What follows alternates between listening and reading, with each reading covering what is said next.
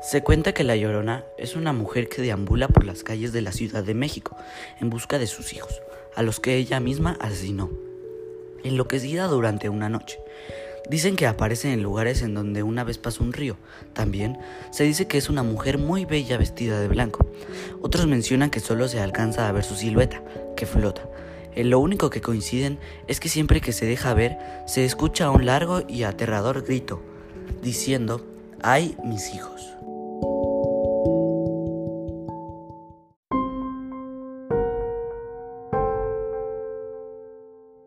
Según la tradición mexicana, la leyenda de La Llorona nace donde hoy se cuenta la Ciudad de México.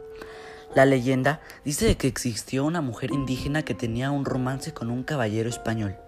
Fruto de esta pasión nacieron tres niños, que la madre atendía siempre en forma devota.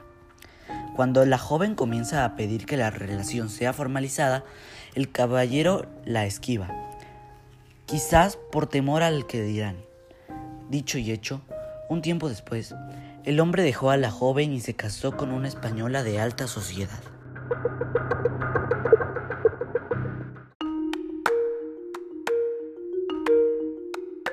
Cuando la mujer se enteró, dolida y totalmente desesperada, asesinó a sus tres hijos, ahogándolos en un río.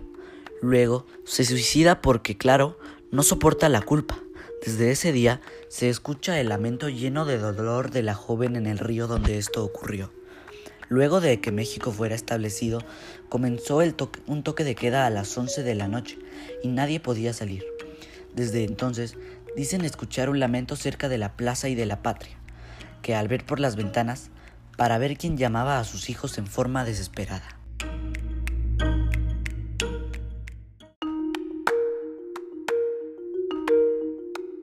Veían a una mujer vestida totalmente de blanco, delgada y que se esfumaba por las calles.